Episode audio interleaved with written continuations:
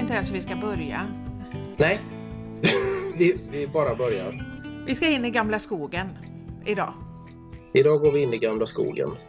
Mm, det kommer att bli oerhört spännande, tror jag. Mm. Och gamla skogen, eh, vad är det nu då, Mattias? Ja, det här är, ska vi säga, ett lite bortglömt, eller en bortglömd sekvens i Sagan om ringen av Tolkien då. Den första delen i Ringen-trilogin. Och det här är då tre kapitel kan vi väl säga vi har läst nu då. Precis. Och som man i de flesta andra versioner, dramatiserade versioner av den här, de här böckerna, så har man helt enkelt plockat bort de här kapitlen. Så de är, de är lite bortglömda kan vi säga. Mm. Och bara för att ge en jättekort bakgrund då, så kan vi ju säga det att eh, i början av den första boken i Sagan om ringen-trilogin då, så befinner vi ju oss i Fylke, där hoberna bor. Och där får vi ganska tidigt möta då Frodo och Sam och Mary och Pippin. Som, mm, som är vänner. Precis. Och även Bilbo då, som har sin roll i det här. Precis, därför Bilbo visade ju sig då har i, i sin ägo under väldigt lång tid haft en ring som han hittade under ett äventyr. Och det är nog ingen riktigt som har förstått, inte Bilbo, inte trollkaren Gandalf som var med på det här förra, alltså Bilbos äventyr, har riktigt förstått vad är det för ring som Bilbo har? Men den har ju haft vissa effekter. Bland annat då så har den ju gjort, eh, den har så att säga eh, försenat kan man säga Bilbos åldrande. Så Bilbo ser ju väldigt ung ut trots att han är väldigt, väldigt gammal. Och sen har ju Bilbo då kunnat bli osynlig med den här ringen. Och det är egentligen det enda man vet. Sen kanske Gandalf har haft sina misstankar, men det är ingen riktigt som har vetat. Nej, och man får nästan känslan av att inte ens Gandalf riktigt har tänkt på vad det här är. Nej. Men i början då av den här boken, den första kapitlen då, så, så börjar det mer och mer stå klart att den här ringen är mäktig. Det är en mäktig ring och det är starka krafter som är ute efter den här ringen. Och när man nu, när fienden då kan vi ju säga, har upptäckt eller anar att den här ringen den finns och den finns någonstans här bland hoberna. Precis. Och då, för att göra en lång historia kort här, så är det ju så att Bilbo har planerat länge att eh, faktiskt ge sig av på ännu ett äventyr. Vilket han har längtat efter väldigt, väldigt länge. Och anledningen då till att den hamnar hos Frodo, den här ringen, det är ju att han gör sig av med alla sina ägodelar och skänker allt han äger och har. Förutom sin ryggsäck och sin stav, tror jag. Ja, Och, eh, och då, det här innefattar ju även ringen. Redan där får man ju en liten aning för han, det visar sig att han till sin, alltså, han vet ju inte själv varför men han har svårt att göra sig av med den visar det sig. Men till slut så får Frodo ta över den i alla fall. Och på det viset så hamnar den ju då i Frodos ägo. Och det är där någonstans då som, som Gandalf vid något tillfälle då börjar ana. Han har väl funderat, tänker jag. och inser att det, det kan vara så att det här är en mäktig ring. ja, kanske till och med den allra mäktigaste. Och då, då samtidigt då Gandalf som är mycket ute och rör på sig till skillnad från hoberna som mest befinner sig i, i sitt fylke och trivs ju med det. De är liksom ett sånt folk. Eh, Gandalf är mycket ute och rör sig och han vet att mörka krafter rör sig. Det är eh, liksom något på gång borta i Mordor som det heter, det mörka landet. Mm. Så han, han eh, säger, låter ju liksom Frodo förstå att eh, du kan inte stanna kvar här med ringen. Du kan inte bo här. Eh, för han förstår ju att han, att det, det, det, han kommer bli jagad. Mm. Och eh, den här då, de mörka krafterna får inte absolut inte få tag i ringen. Exakt. Och Frodo är ju en väldigt um, Alltså han är ju en motvillig äventyrare. Han vill ju inte det här. Han är inte särskilt sugen på att ge sig ut på äventyr.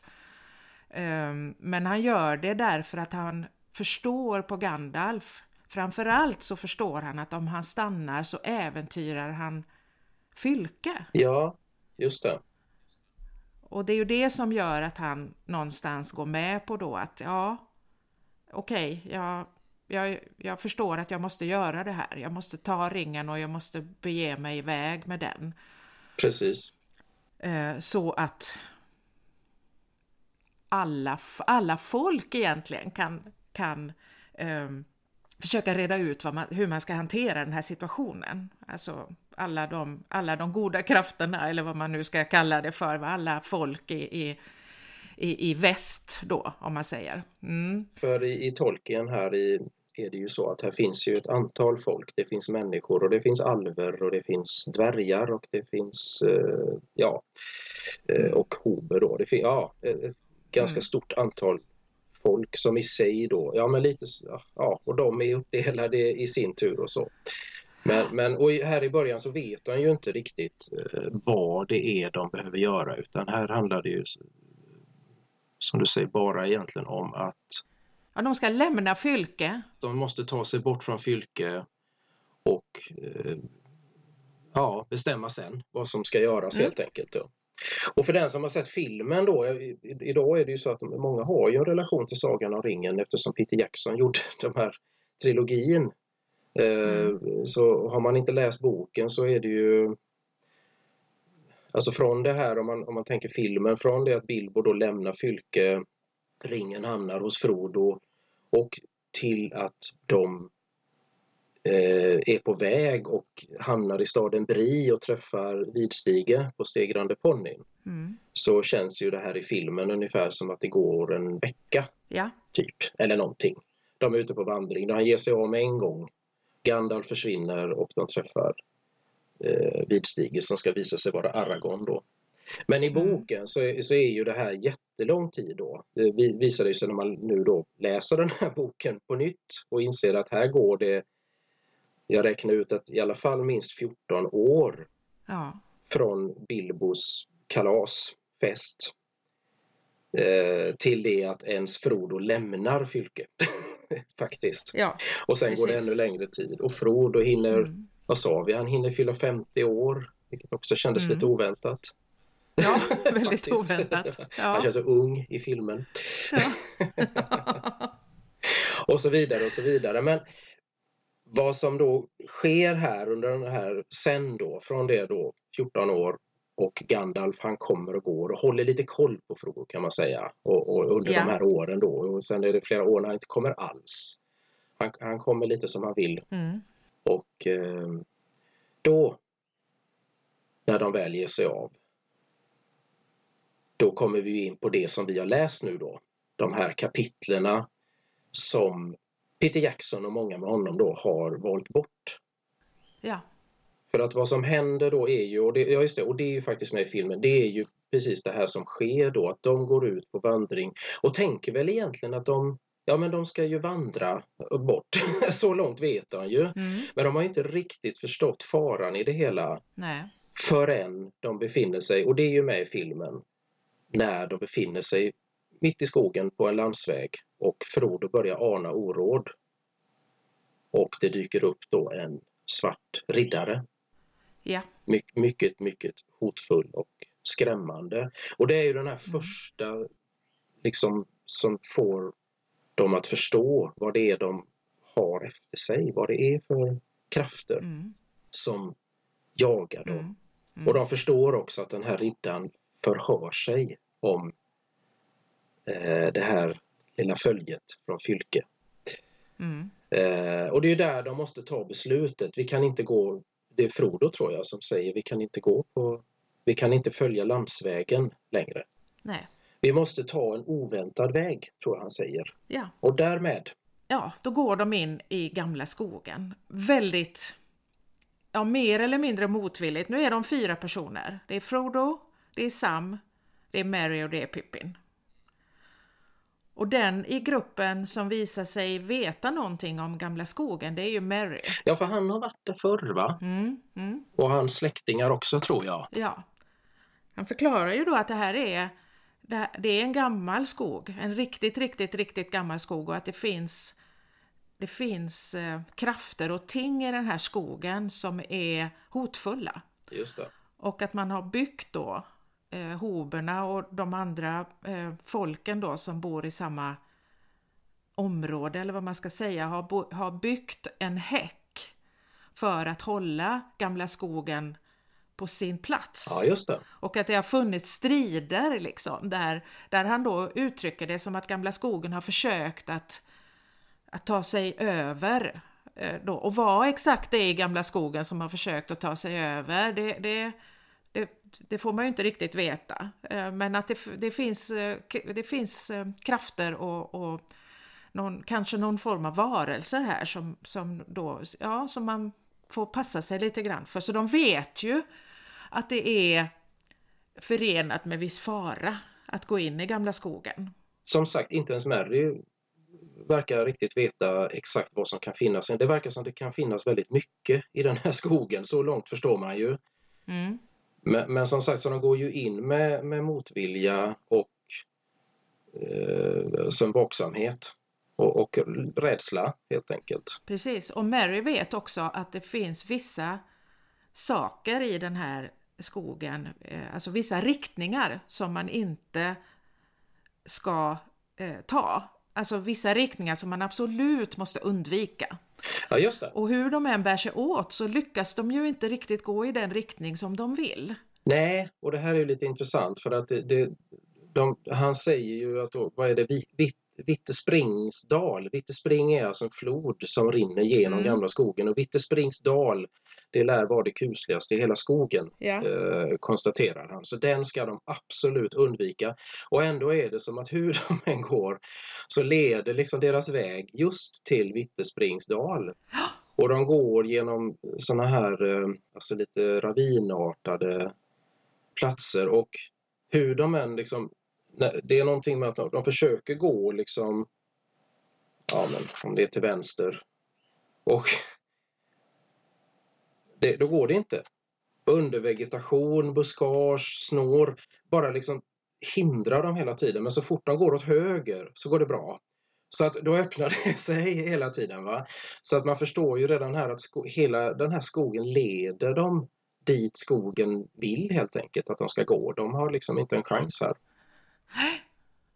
Och så går de och de, de, de, ju, de blir mer och mer oroliga och, och, och s- tappar modet lite. Eh, och sen, eh, det som händer sen är ju att de blir fruktansvärt trötta. Mm. De blir, de blir liksom, de blir alldeles, du vet, lealösa på något vis. De blir alldeles så här, de bara, de liksom stapplar fram på något vis.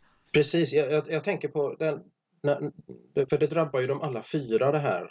Och jag, jag, jag tänker på, det påminner mig om någonting, jo, alltså det påminner mig väldigt starkt om, alltså sådär som, som i alla fall jag kan drömma, jag tror ganska vanligt säkert. Jag kan drömma precis det här, Ja, att jag är så trött, alltså, alltså sådär trött som jag aldrig är i vaket tillstånd.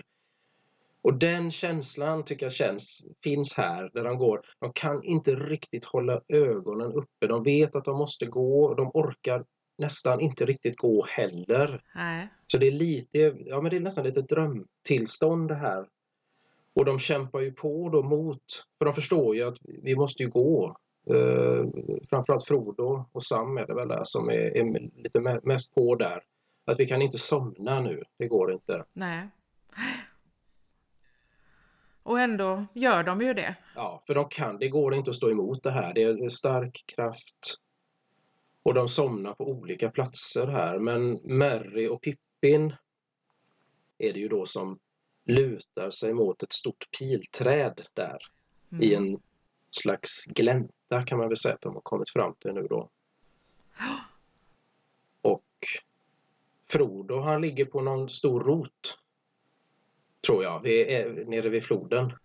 Ja, för grejen är ju det att han har ju, han, i hans huvud så har han en, en tanke att han inte får somna fortfarande. Just det. Och han tänker jag måste, har vatten, jag måste, jag måste skölja av mig.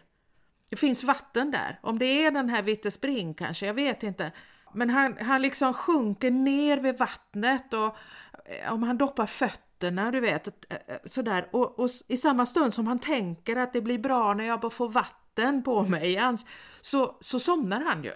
Och faller ner i vattnet, plask. Ja, och han säger ju sen att roten bred sig liksom så att han ja. som välte ner honom i vattnet då. Det var hans upplevelse då. Och jag tror faktiskt när jag tänker efter, är det inte så att det, de är i Vittespringsdal? För det, det, är precis så jo. skogen har lett dem dit och det är precis där de är nu. Och då är det så att Vittespring där eh, rinner förbi. Ja. Så Frodo vaknar ju till liv där när han hamnar i vattnet. Mm, och då hör ju han mm. Mary och Pippin ropa på hjälp. Ja. Och då visar det ju sig att den här, det här äh, gamla pilträdet har ju liksom slukat dem. Den ena har liksom har dragits in i en springa och den andra på något vis äh, hamnat, ja all, båda två har liksom slukats. Båda två, Pippin är väl helt in i trädet tror jag och Mary hänger halvvägs ute med liksom fastklämd i midjan på något sätt om jag förstår det hela rätt liksom. Med, med huvudet inne i trädet.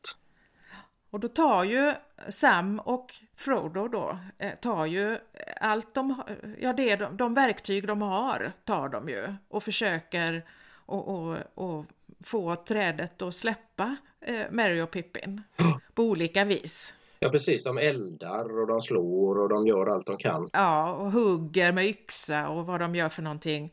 Och så skriker då, om det är då Mary kanske, jo. som skriker sluta! Mm. Han knipsar av mig på mitten! Ja, för Pippin hör de ju inte alls. Han är ju djupt inne i trädet här. Så det, men Mary får de ju att sluta i alla fall. Och då, då drabbas ju Frodo av total panik. Mm. Och vet ju inte, nu vet de ju inte vad de ska göra längre. Uh, så han, han springer bara lite planlöst rätt ut i skogen och skriker på hjälp helt enkelt. I, i ren desperation. Mm. Och eh, där hör han ju då plötsligt någon i skogen komma mm. trallande i, i, i, skogen. och liksom trallande på någon, någon lustig ramsa där liksom sådär. Och detta är ju då Tom Bombadil. Just det. En mycket speciell liten varelse. Det är alltså en liten man, eller liten, men man får en känsla av att han är ganska liten ändå. Ja, jag tror att han, besk han beskrivs som att han är inte så stor som människorna och han är inte riktigt Nej. så liten som hoberna som då är kända för att vara kortväxta. Utan han är någonstans mittemellan här. Och han har någon slags stor fjäder i hatten och han är ganska färgglad. Han har ett par gula stövlar som omnämns lite titt mm. som tätt. Det, och, och någon, någon blå rock eller vad det är. Mm. Och så har han långt brunt skägg. Han har blåa ögon och sen så har han ett ansikte som, eh, som jämställs lite med ett sånt där rosigt äpple. Sådana äppelkinder får jag en känsla av att han har.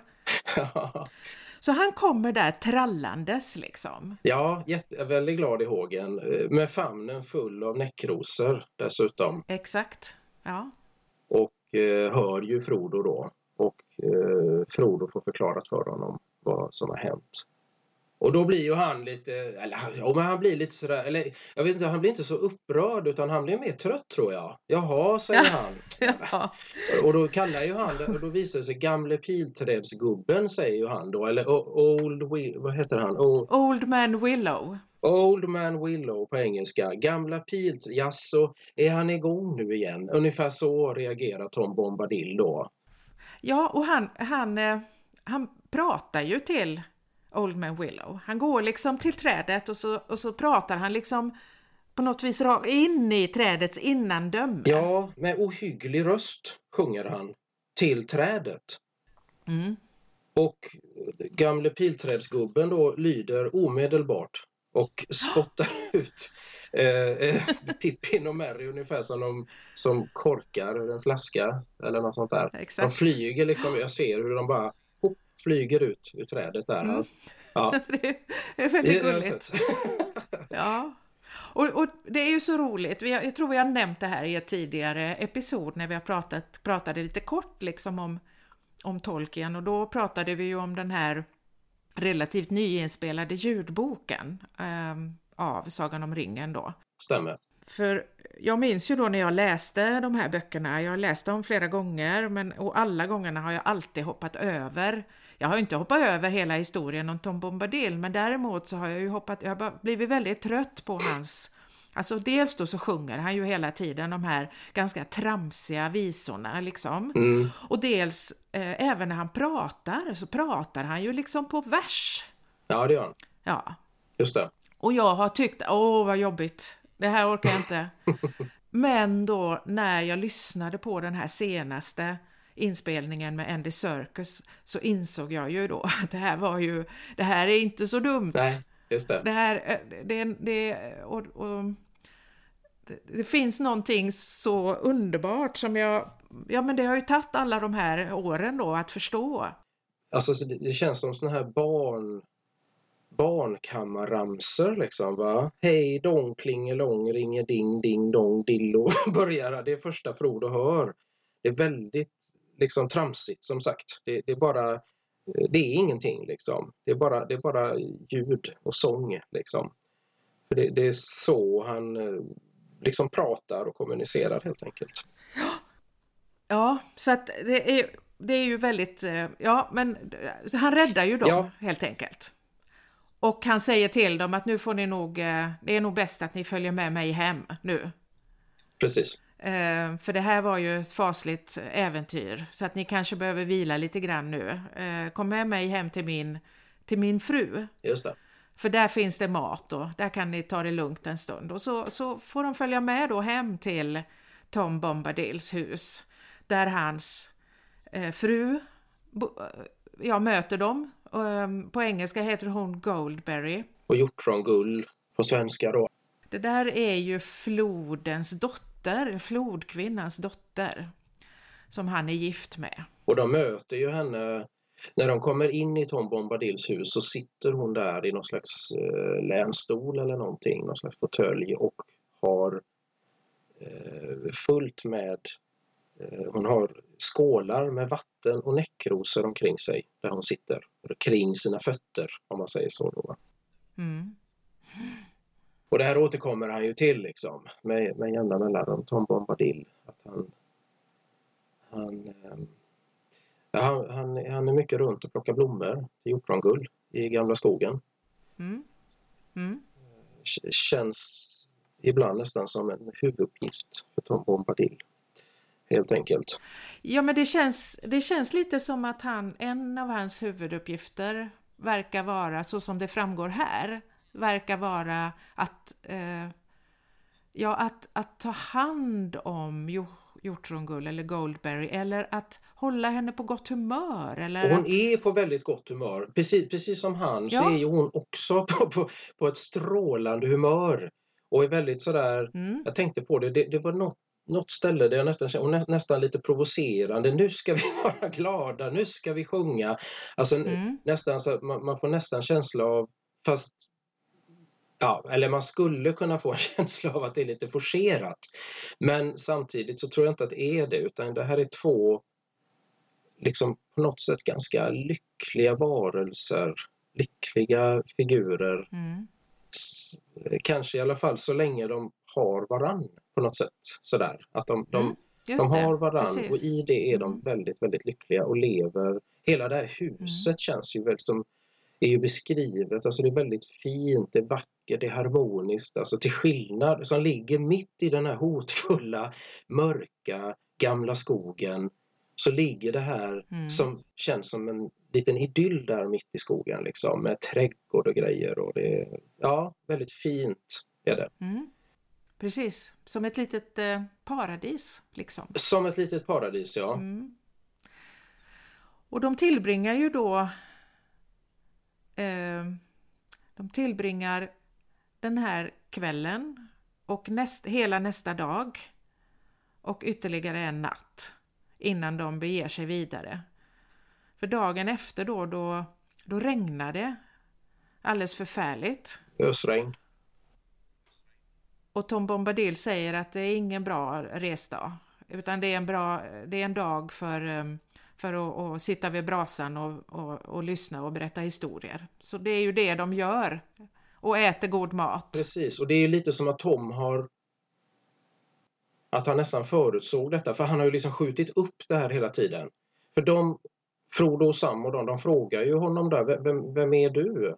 Och han svarar inte riktigt på det. Mm. Eh, och sen frågar de ju även Hjortrongull, eh, vem är Tom Bombadil? Och får bara till svar, eh, han är den han är. Det är allt hon säger. Så de, de, får ju väldigt lite information om vad det är för vilka de har träffat och vad de är. Och, men den här dagen sen då, då får de en hel dag på sig när det ösregnar ute och där berättar ju Tom lite mer i alla fall eh, om gamla skogen och eh, lite sånt där då. Han är inte jättetydlig fortfarande med vem han är, det ska man absolut inte tro. Men han är ganska förtegen sådär om, om eh, vilka de är egentligen. Mm. Men det man förstår där det är ju att han har ganska bra koll. Han vet. Han vet vem Frodo och Sam och Mary och Pippin är. Han har väntat på dem på ett sätt. Även om han inte han är ju dubbel hela tiden för han, Frodo frågar ju då Hörde du när vi ropade? Nej, nej, nej, oh nej, jag var ute och plockade näckrosor och, Just det. och, och så. Och sen, och där stod ni. Det var en ren slump att jag råkade springa förbi er där när ni var i nöd. Precis, men samtidigt så ger han ju en bild av att han, har, han vet vad de vad de gör, och vad de är på väg mot och, och vilka de är och vad deras utmaningar är.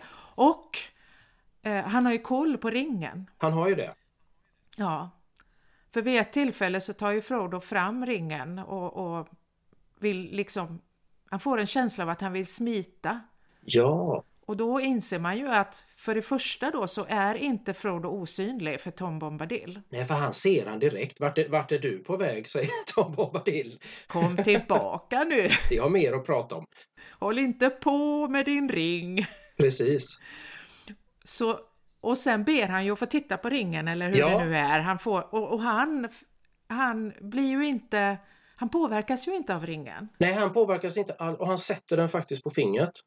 Och han blir inte osynlig. Han blir inte osynlig och han påverkas inte. Och, och det vet ju vi som har läst då eh, hela trilogin och alla andra som har gjort det också, att det finns ingen annan som inte påverkas av ringen. Till och med de allra mäktigaste, som, som till exempel alvdrottningen Galadriel och, och um, Gandalf själv förstås också.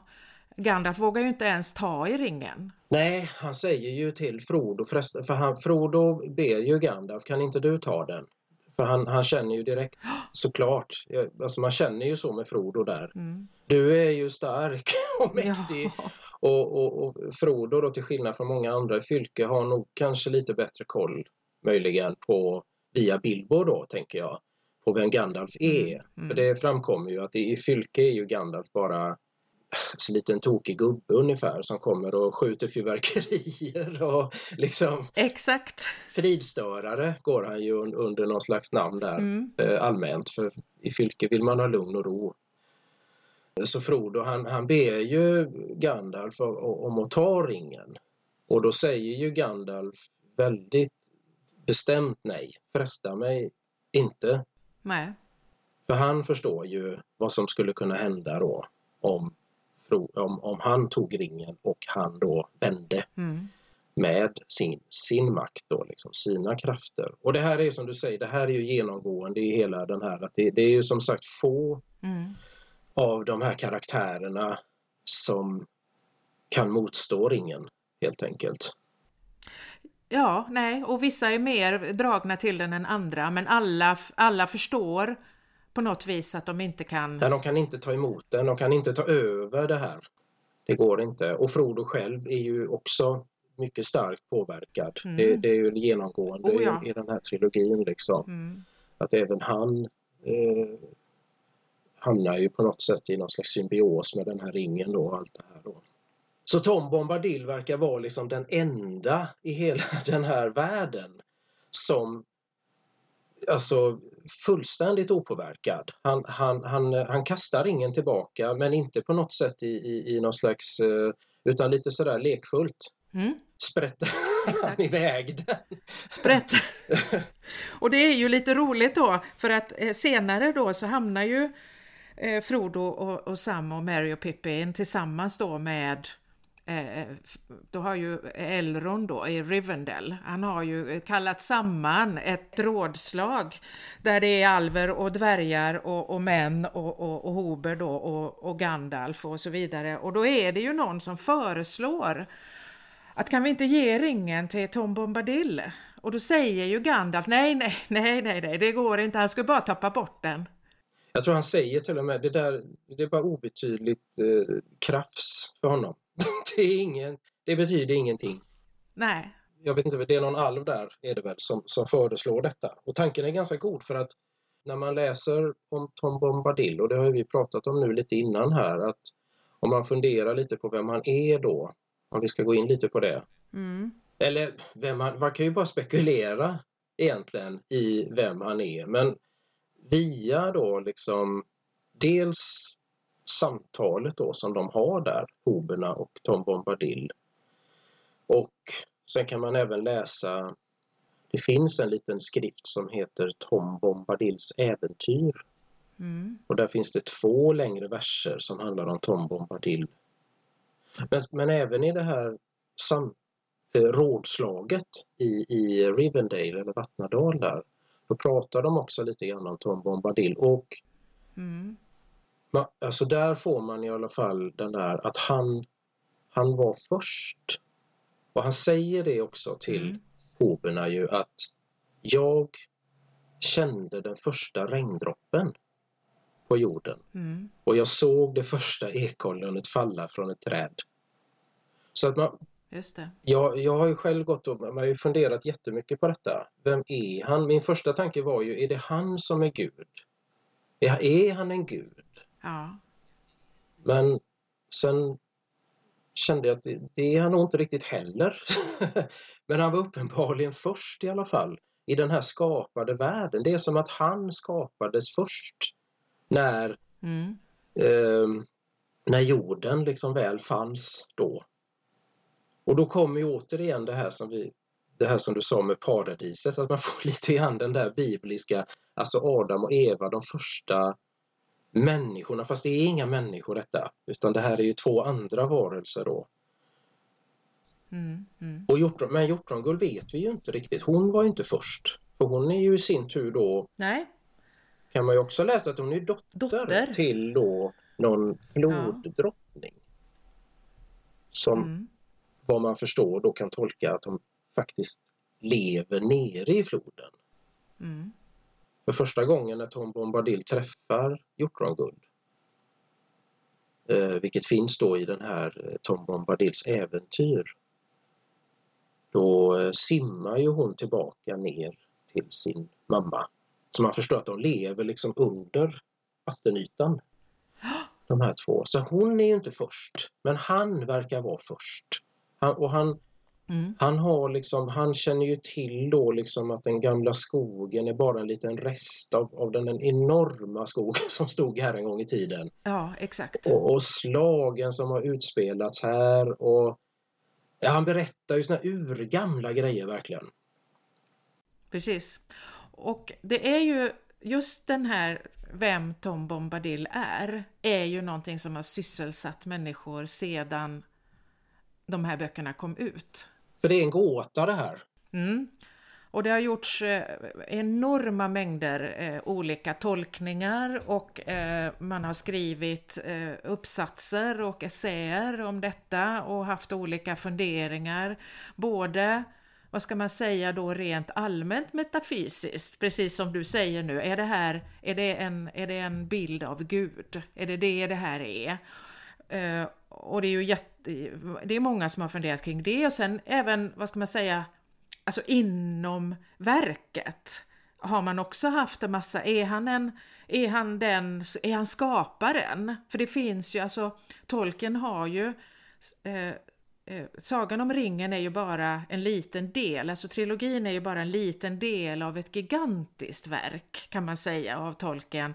Där han liksom har, har ju skapat en hel värld. Det finns ju en, en, då en kosmologi och en, en skapelseberättelse. Och, Alltså hur det här, den, här, den här världen skapades där det finns olika, alltså en, en slags hierarki av olika varelser då som inte lever på, på jorden. Eh, då, inte, alltså förutom då alver och människor och allt detta så finns det ju andra då valar och, och majar och allt vad de heter, de här olika. Och där har man också, hmm, undrar om Tom Bombadil är en sån ja. eller kan han vara en sån eller är han den, den största, är han den själva skaparen?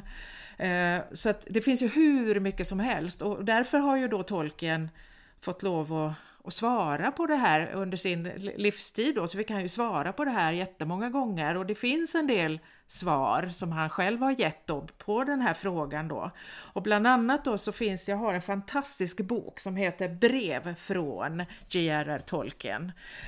Eh, där där man har samlat då brev, mängder med brev som tolken skrev till olika personer. Ja. Och bland annat då så har han skrivit i ett brev till en man som, het, som hette Peter Hastings som var föreståndare för en katolsk bokhandel i Oxford.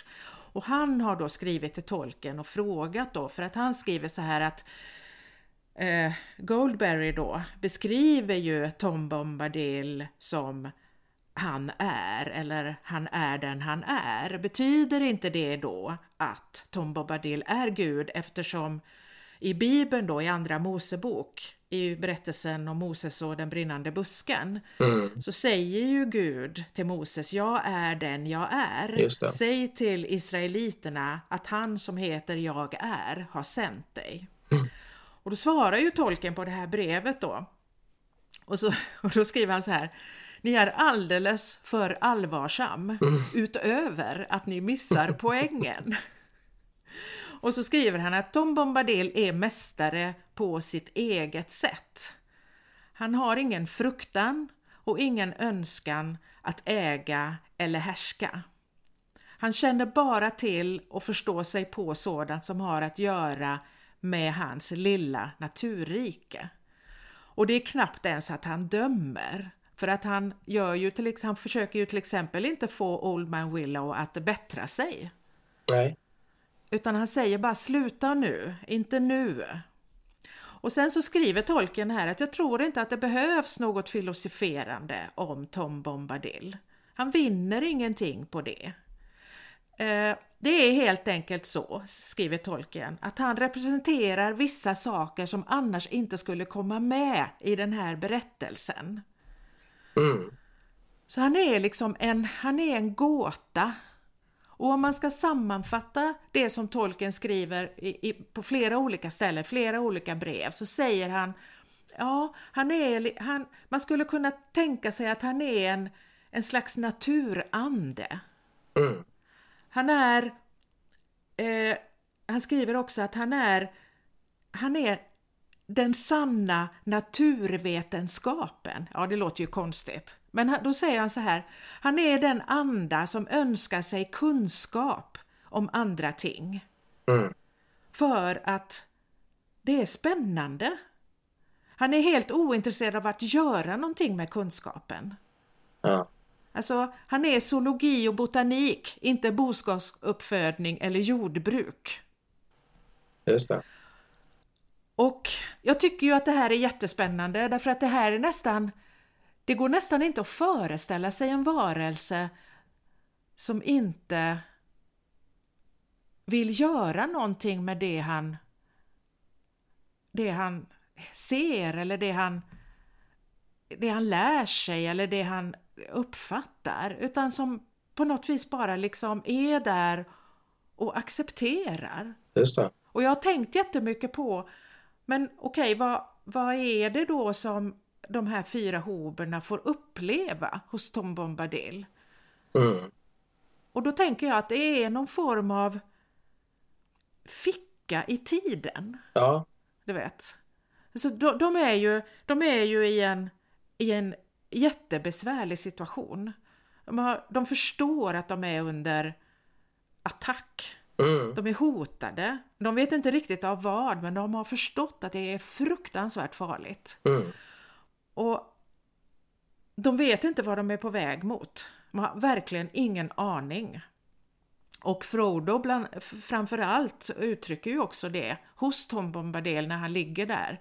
Han vaknar på morgonen tror jag och inser att det regnar. Och han, han tänker då, gud vad skönt, då kan vi nog inte åka, vi kan nog inte gå vidare idag. Precis. För han vill liksom inte gå därifrån. För att det är ju, hos, där hos Tom Bombadil är det lugnt och skönt och tryggt. Och, och, och, det finns inget farligt som kan hända där. Och Goldberry säger ju det till och med till dem när de ska gå och lägga sig. Sov lugnt nu för här kan ingenting hända. Precis. Och jag tänker att om man liksom ska spekulera i vad, vad det här gör med Frodo och hans sällskap så tänker jag att det skulle kunna vara en vetskap om att hur hemskt det än är så finns det en plats där det är fullständigt tryggt. Mm. Du kan inte stanna där. Det går inte, du kan inte vara där därför att då blir du ju för, för liksom Frodo och hans sällskap, de hör ju till världen. Den världen där det händer saker och där det finns konflikter och, och så vidare. Tom Bombadil och Goldberry hör inte riktigt till den världen. De är i en värld där, det, där allting som händer i världen är liksom ointressant på något vis. De, är, de, de behöver inte bry sig om det där. Ja, ja, tänker de nog. Det är ja, ja, det är hit och dit och fram och tillbaka och det krigas och de slåss och de bråkar. Och, men jag måste gå ut och plocka näckrosor för det är viktigt. Precis. Och någonstans så tror jag liksom om jag ska bli lite personlig så tror jag att mm. för jag vet när vi pratade inför det här avsnittet då så sa jag det att det, den känslan jag får, det närmaste jag kan komma, den känslan som jag upplever när jag läser om deras dygn där hos Tom Bombadil, det är när jag var liten och var hos mormor och morfar mm. i Gula huset i Brännås, som vi har nämnt många gånger i våra ja. poddepisoder här. Det gula huset som morfar Kalle byggde där i, i början på 50-talet, slutet på 40-talet och, och där och där jag när jag var liten upplevde att äh, det var en, äh, det var, det var en annan, alltså tiden gick i en annan takt där. Ja. Än i, i mitt vanliga liv. Jag håller ju med fullständigt där. Jag känner ju väldigt väl igen den här. Jag, brukar, jag, jag har alltid beskrivit liksom den här tillvaron där hos, i Gula huset som ja, just tidlös på, på så många olika sätt. Liksom. De, dels att tiden lite grann var kvar på något sätt ju. För att de då levde lite på ett sätt som man kanske levde förr. Men också att tiden inte riktigt tickade på så som det gjorde när man klev ut ur huset på något konstigt sätt. Liksom. Det, var, det var som du säger, så, så att på flera plan tänker jag att det var en annan tid där eh, som jag absolut känner igen mig. Vi var ju där mycket eh, när vi var små, eller ja, sen också. Mm. Mm. Och det, det absolut, det, och det, kan, för det, det, är ju precis det de hamnar i här. Hoberna. En, en, som en... Ja. Ja, det är som en lucka i tiden liksom. Det, det är ett andningshål. Från det att de har blivit jagade av den svarta ryttaren och otäckheterna i skogen så får de plötsligt det här bara fullständigt lugn. Det finns ingen tid, det finns inget hot, det finns ingenting. Liksom. De kan liksom glömma det för ett tag. När de sitter där och äter gott och har det mysigt och eh, pratar med Tom Bombadil. Och det är någon av dem som, som tänker det också efter den här regndagen när de så att säga är färdiga eller om de reser sig liksom för kvällsmat. Och så är det någon dem, minns inte vem det är nu, som tänker att ja, nu vet jag inte om jag har suttit här en dag eller i många veckor. Nej, just det. Exakt. För det, det, det går ju inte att hålla reda på tiden här längre. Nej. Det kan vara vilket som. Mm. Precis. Och, och, precis det du säger, det är som att det är både, alltså, ja men både det här nu, upplevelsen här av den här läsningen och upplevelsen då i Gula huset när vi var små. Det är, det är precis som att det är för länge sedan och djupt ner samtidigt. Att det finns någonting som är och nu menar ju inte jag att det var uråldrigt hos mormor och morfar, för det var det ju inte, det är det ju lite hos Tom Bombadil, men, men det är ändå någon känsla av att det finns saker bakåt som, som inte som inte alltid syns i, den här, i det här dagliga, dagsaktuella, men som vi är en del av. Och sen just det här, alltså djupet ner, va? Att, att det finns saker under och under och under som, och sen, men att man kan ju inte stanna där, det kunde ju inte vi heller, utan man var där och sen så fick man åka hem och så gå till skolan och umgås med sina kompisar och... Nej men det, för, för det, jag tänker också där att det är ju precis den känslan eftersom han, han är ju lite sådär, han är lite kryptisk då, Tom Bombadil. Så att det är precis det här som du säger att han ger bara små, små glimtar vilket får den här, man får den där känslan och jag tänker att de får det också då av just det här. Det här är någonting så uråldrigt. Här finns så mycket som vi inte förstår. Det här är så långt tillbaka. Hoberna är ju liksom ett någon slags traditionsälskande folk. Eh, ett berättande folk eh, som har sina historier men man förstår ju här när de träffar Tom Bombadil att deras historia är ingenting jämfört med det som Tom Bombadil vet och kan och har upplevt. Precis. Och det är så mycket så han kan inte ens berätta om det utan det, bara fin det finns där och man får bara förstå det. Vilket jag tror är just det att man känner att det finns ett djup här i den här liksom lite nästan naiva glättigheten så finns det ett, ett enormt mm. djup och en historia som inte går riktigt att förstå. Exakt. Och du vet, tolken han säger, skriver också på ett annat ställe så skriver han att apropå det här då med, med att, att, att Tom Bombadil är en sån gåta och att han aldrig får sin förklaring så skriver tolken att alla, alltså i alla kulturer, alla folk, alla länder, vad du än, vad, vad, vad du än pratar om, så finns det mängder med saker som har hänt och som är mysterier som du kanske vet om dem eller så kanske du inte vet om dem. De kanske har hänt eller så kanske de inte har hänt. Det kanske är riktigt på riktigt sant eller det kanske är berättelser. Mm. Och de finns där. Och du vet inte om dem, men de finns där. Och ibland kanske du vet en liten skärva bara. Du har en aning om, du vet, jag menar om man, om man tar oss till exempel här nu då. Vi, vi lever här 2022, du och jag va? Västerås, Alingsås, vi kommer från västkusten. Vi, vi har koll lite på Ja, vi har några generationer bakåt här. Men mer än så vet vi ju inte om Nej. våran egen släkt. Och eh, om man tittar ännu då längre tillbaka så har vi liksom ganska vaga begrepp om ja men du vet, eh, de, hur, hur Norden befolkades, vilka var det som var här? Man har en så här, ja det var väl, och så var det vikingar och så var det, och så de gjorde si och så. Och vad, vad av det där är sant och vad är berättelser och vad vet vi? Och vi vet lite grann, vi känner till vissa namn, ja det fanns den guden och den guden och den guden, men det finns också jättemycket som är helt mm. obegripligt och sånt som vi inte vet alls. Och därför menar tolken på att det inte alls konstigt att det finns en, en Tom Bombadil i den här Precis. trilogin. Därför att det är ju så det ser ut. Det finns, det här är ju en hel värld och det är klart att det finns saker här som man inte riktigt har koll på och som är obegripligt och som heller inte förklaras därför att det kanske inte kan det inte riktigt förklaras. Hur skulle det kunna förklaras? Och det förstår man ju liksom i den här. Det, det är ju någon som säger att, att, att liksom det här alltså Ringen-trilogin är ju liksom slutet på någonting snarare. Ja, exakt. Här har ju bara detta med hur ringen då liksom har hamnat på irrvägar, det får man ju förklarat för sig liksom. Och det i sin tur med Sauron och allt det här är ju ett slag som skedde för länge, länge sedan när Isildur mm. Mm. fick tag i ringen och så. Och redan där, och då är det ändå, det är en känd historia, men redan där får man känsla av att det här är ju evigheter sedan det här stora slaget som också då var ett slag mellan det onda och det goda.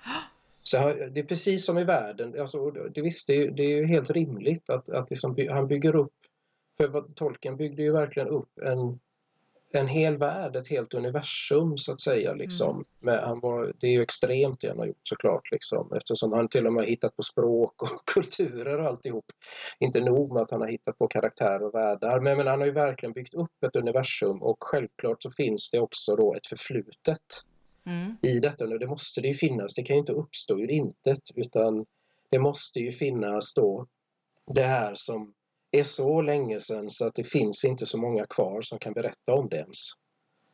Och, och det som inte det som blir, det, det finns en sak som är mycket tydligare i boken än vad, den, än vad det är i eh, filmatiseringen. Eh, och då är det ju framförallt Peter, Jackson, Peter Jacksons filmer vi tänker på för det är ju, det är ju de som de flesta har sett och är, är, är familjär med. Men, men, och det är ju det att, att den tiden som vi får uppleva då i Sagan om ringen är ju, det är ju liksom, det är ju slutet ja. på någonting. Alltså alverna är ju på väg att ge sig av ifrån världen. Det är ju deras grej där under den här trilogin att de ska lämna och arven som stannar kvar. Alla andra åker. Oh, sant. Mm. Och det är ju mycket tydligare i böckerna att det är så, för där, kom, där är det hela tiden får, får man se alver som, som, som är på vandring liksom mot eh, skeppen då som ska ta dem i, bort ifrån världen för att deras tid är på något vis över. Va? Eh, och, och, det, och, det, och Tom Bombadil är ju också inne på det här när han pratar om Gamla skogen då, att Gamla skogen är liksom en liten, liten rest av någonting eh, gigantiskt. Ja, det var enorma skogsområden där eh, då. Det här är bara en liten, liten del som finns kvar och, och, och vad skogen så att säga var på den tiden och, och kan, det kan man inte riktigt föreställa sig. Så. Men, men eh, jag tänkte bara på just det här för att anledningen till att eh, Tom, berättelsen om Tom Bombadil inte är med i Peter Jacksons filmer och inte heller i några andra dramatiseringar egentligen, eh, tror jag. De flesta har valt bort det. Det är ju det för att det är ju detta att det inte riktigt, det för liksom inte handlingen framåt på det sättet, på ett, på ett dramaturgiskt Nej, sätt. Nej, jag har tänkt liksom. på det att han gör, egentligen så gör ju tolken här, han går ju på tvärs då mot det här som står i alla skrivhandledningar som man kan läsa. Att mm. om, du, om du visar en revolver i första kapitlet eller första scenen ja. så ska den avfyras innan sista scenen. Och det här går han ju totalt emot för grejen, vad som är lite fascinerande med den här episoden här med Tom Bombadil och Gamla skogen är ju just det också att förutom det här samtalet då i Vattnadal när de har råd. Eh, det är ju enda gången sen som Tom Bombadil nämns. Det är ju ingen som återvänder till Gamla skogen. Tom Bombadil dyker inte upp och har en nyckelroll, vilket man liksom annars kunde förvänta sig. Jag tänkte på det egentligen enligt ja, liksom all dramaturgi och, och all liksom sån här hur man liksom bygger en bra historia så borde ju Tom Bombadil, eller kanske ännu hellre hon och eh, Hjortrongull, skulle liksom plötsligt dyka upp där mot slutet och visa sig ha en eh, den där nyckelrollen precis när man liksom nästan har glömt av dem. Men det gör de inte. Inget av det här kommer tillbaka Nej. igen. Utan det är även i historien så är det precis så. Det är liksom en... Den är lite vid sidan om, eller vad man ska säga. Den känns som att den står lite Ja, men lite vid sidan om faktiskt. Uh, och det, det, är ju där vi, vi har ju pratat mycket om inför det här, lite grann varför då varför skrev han det? kanske inte så gåtfullt, men varför lät han det då vara kvar, tolken? När det är så tydligt ja. eller rättare sagt, det är väldigt otydligt snarare ska vi säga, vad det är de får med sig. Vad är det i detta som för historien vidare? Men vi, vi kommer ju faktiskt på, vi, vi har ju några grejer i alla fall som jag tycker, mm. för en grej som, dels det här då som du sa, att det här finns en trygg plats i världen. Mm. Ett, ett ställe i världen finns det. Um, en annan sak som jag tänkte på det är det att de förutom att de har träffat då den svarte riddaren så har de ju inte riktigt här Alltså de förstår ju inte riktigt eh, och det kan de ju inte förstå vad det är de ska ge sig ut på. Nej. Eh, det här följet. Eh, och här då i Gamla skogen så får de möta på två stycken faror. Dels då det här gamle pilträdsgubben som lätt avhjälps med hjälp av Tom Bombadil. Plopp, plopp så var de ute igen. Ja. Men det var en fara för hade han inte kommit där så hade de kunnat mista Mary och Pippin, det vet vi inte. De kanske hade blivit kvar där inne i trädet. Så visst, visst var det liksom en rejäl fara. Sen är det ju så att när de sen då går vidare, det har vi inte pratat om, men när de lämnar, det sista vi får se av Tom Bombadil och dem också, är ju när de lämnar Gamla skogen och hamnar i Kummelbergen heter det väl? Va? Ja, just det. Mm, hos Kummelgastarna. Hos Kummelgastarna. Och det här har de ju hört talas om. De pratar om Kummelgastarna redan när de går in i Gamla skogen. Det är väl Mary igen tror jag mm. som har koll på det här. Att Kummelgastarna är inte att leka med. Eh, någon slags gengångare eller något förstår man då att det är. Och naturligtvis då när de har gått ett tag så hamnar de i någon väldigt, väldigt tät dimma och de kommer ifrån varann. De blir ju då tillfångatagna av en kummelgast. Mm. Och den sista som då kommer in i någon slags, det kallas ju för kummel, men alltså någon slags grav, eh, alltså gravhög, man, man, det är under jorden i alla fall får man ju liksom en känsla av sådär. Lite som våra gamla stenrösen tänker jag mig. Mm, mm. Eh, gamla sådana där kungagravar och så. Just det. Och Frodo är ju den sista då som kommer in här som fortfarande är vid medvetande. Merry, Pippin och Sam ligger i någon slags dvala där nere i gravvalvet då. Mm. Och då kommer han på att Tom Bombadil gav dem en ramsa såklart. Vad annars? Som han då kan läsa och få hjälp av Tom Bombadil och då gör han det i sitt lite sådär omtöcknade tillstånd. Och vips så är Tom Bombadil på plats och löser hela historien kummelgasten flyr i, i någon slags skrik. Liksom. Det är återigen Tom Bombadil, han behöver liksom bara eh, prata egentligen så som han gör med trädet. Ja, exakt. Och eh, så.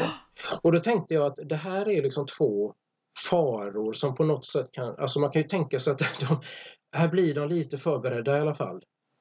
På, mm. De får en liten försmak, tänker jag, på vad det är de ska möta sen. Att, att, att de blir lite rustade på något sätt liksom här.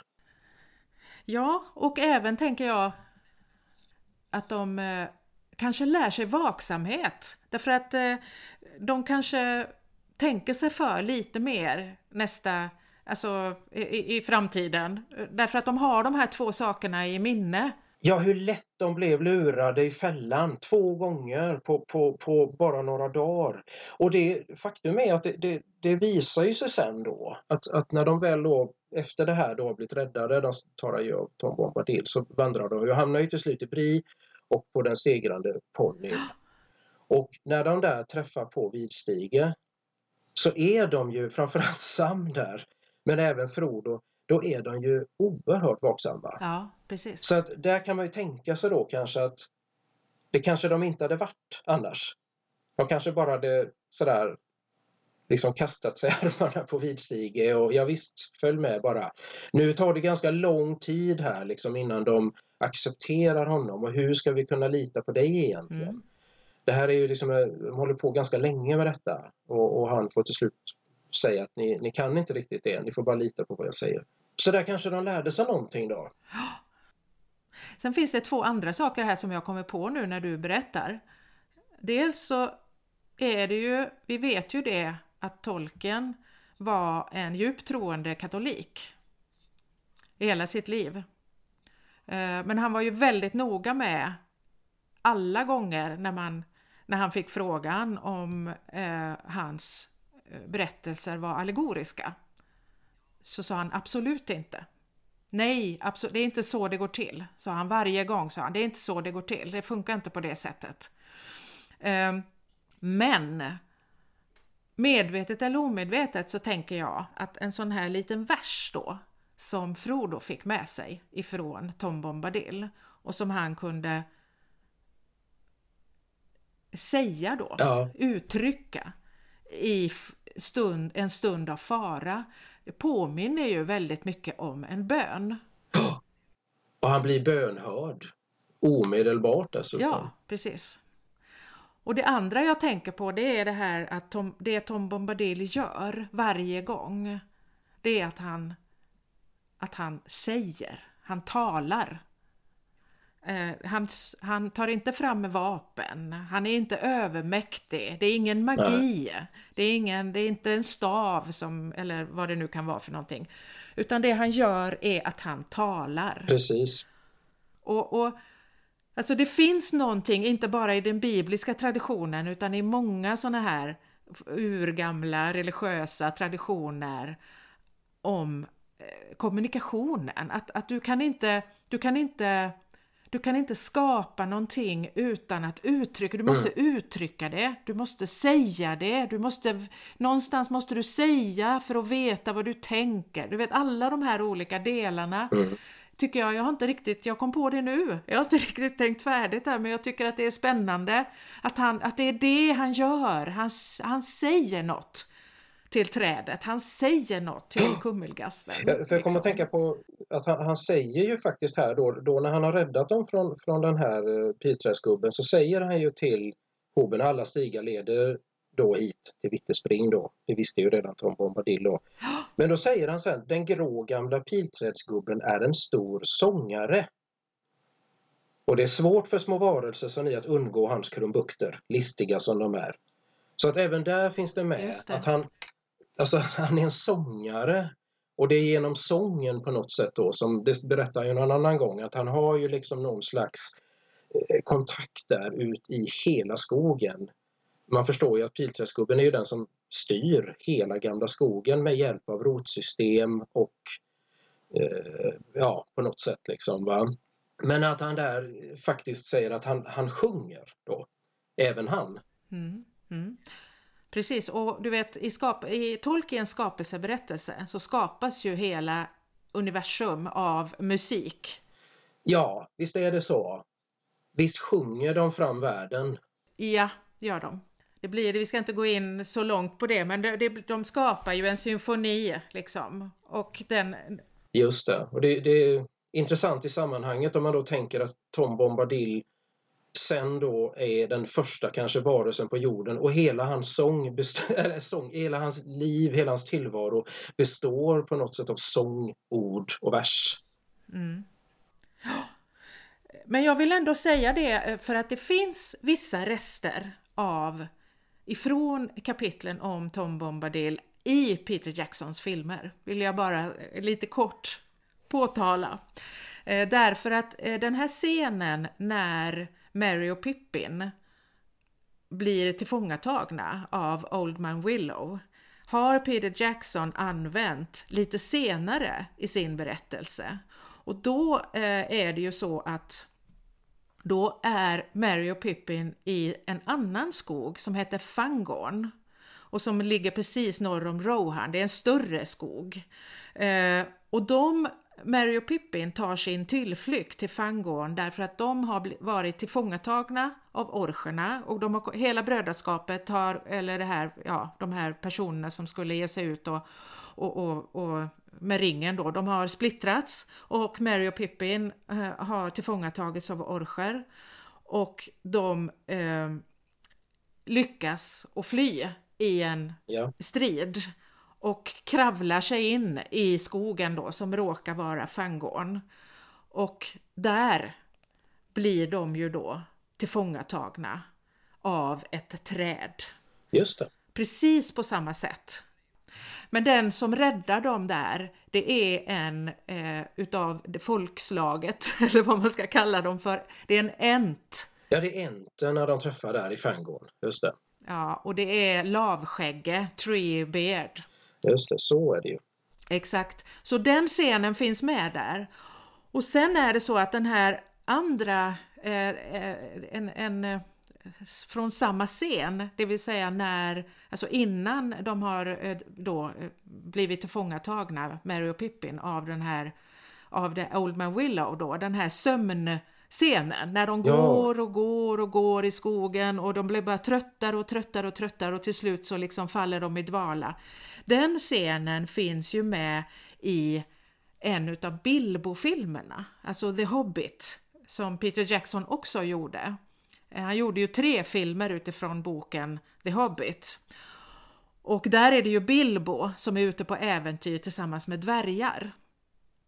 Och där hamnar de när de har varit och besökt en man som heter Beorn som är en sån här uh, hamnskiftare ja. som kan vara man och björn. Ja. Eh, då går de in ytterligare en annan skog som heter Mörkwood. Och där upplever de precis det här, de hypnotiseras av skogen, tappar riktningen och allihopa somnar. Men istället då för att bli, bli fångade av, av eh, Old Man Willow så tillfångas de där i filmen av stora spindlar. Ja. Och, så att det, bo, två de här scenerna finns faktiskt med i, i uh, Peter Jackson har liksom använt några små delar uh, ifrån de här, två, de här avsnitten. Så att det, ur, ur gamla skogen? Precis, från gamla skogen, men han har liksom placerat dem i andra skogar.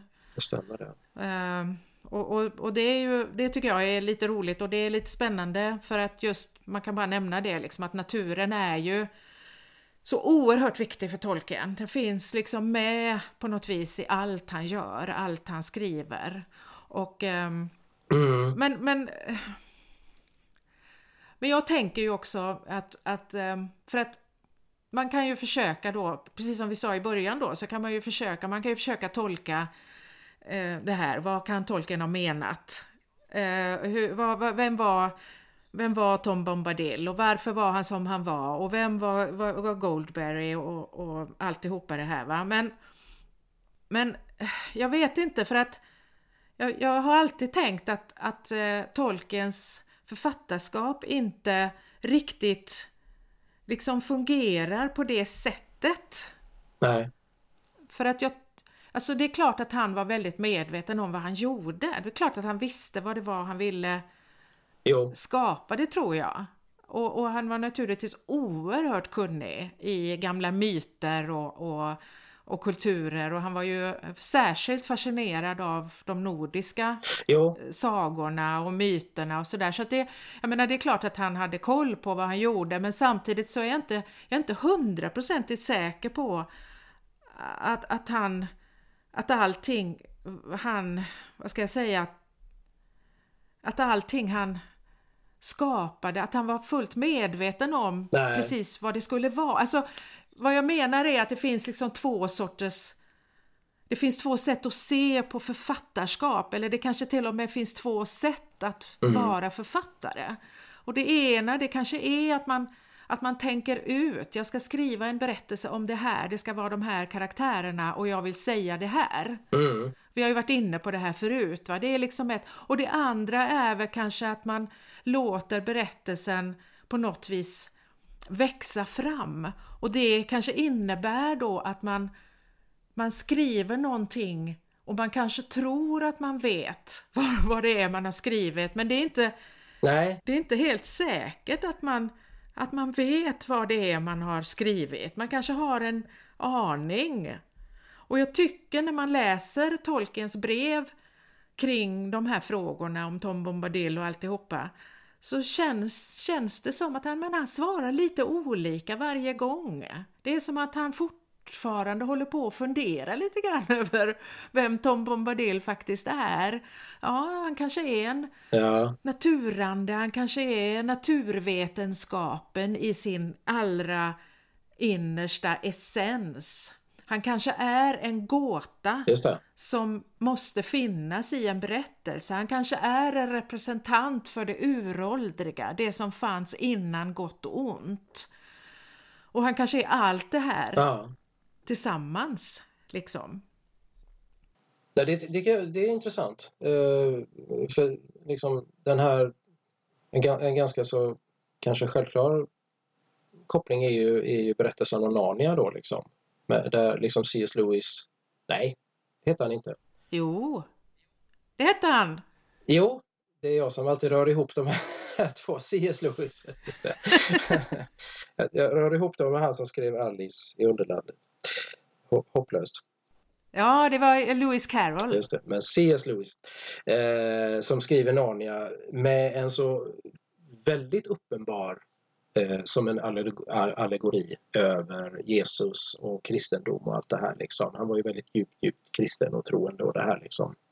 Som jag kan tänka mig hade en väldigt, det vet inte jag, men jag tänker att han hade nog en ganska tydlig bild av eftersom han, det, det känns så, så liksom vad han ville säga med de här böckerna liksom, i hela den här historien. Liksom.